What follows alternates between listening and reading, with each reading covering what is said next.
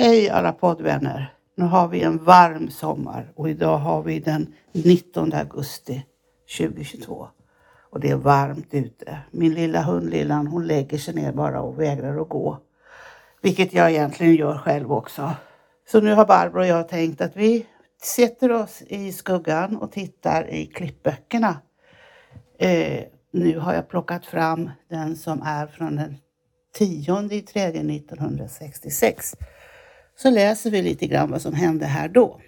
Kooperativa kvinnogillet i Herräng har hållit sitt 40 årsmöte och så när som på vice ordförandeposten där fru Gunborg Jansson undanbett sig omval och avtackades med blommor blev styrelsen lika fjolårets, alltså Lilly Eriksson ordförande, Solveig Falenius vice ordförande, Rut Söderqvist kassör, Lotten Smedberg sekreterare, Evi Fågelström vice sekreterare, försäkringsombud, Gunborg Jansson revisor, Nea Granstedt och Agda Rosenblom, Anna Eriksson och Julia Jansson är också styrelsemedlemmar.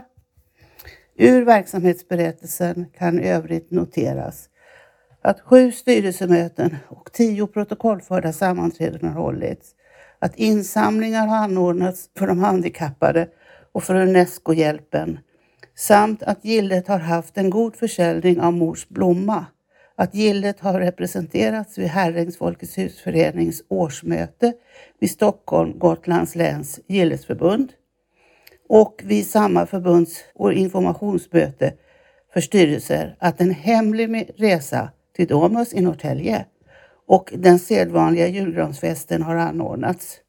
Att två studiegrupper i Frysa hemma har letts av Lille Eriksson och Gumbo Jansson. Att gillesmedlemmar finns invalda i Konsums medlemsråd och fullmäktige. Att årets omsättning var 1 074 kronor och 79 öre. Så har vi nästa notis. Herrens lilla privata kladdklubb kommer från och med nästa vecka att drivas i kommunal regi. Och det ska då bli kladd för 57-åringar i Folkets hus mellan klockan 9 till 12. Förmodligen måndagar, onsdagar och fredagar. Föreståndarinna blir som sig bör nuvarande kladdklubbs initiativtagare, fru Maj-Britt Hellström, som har haft heder av sitt kladdklubbs startande.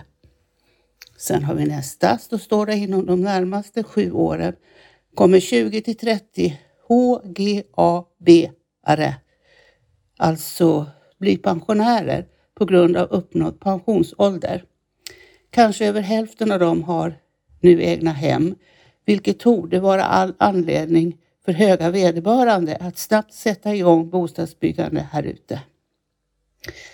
Sen har vi en ny ingenjör som går igenom företaget för att rätta till och effektivisera arbetet. Under ronden kommer han in på förrådet där just Magnus, en omskolad son från de stora skogarna, håller på att koka lagets eftermiddagskaffe. Ingenjören spänner ögonen i Magnus och frågar barskt. Vad är egentligen det här då? Magnus tittar på honom med stora ögon och spelad förvåning och svarar med inte så lite spe i rösten. Det här är då allt en kaffepann.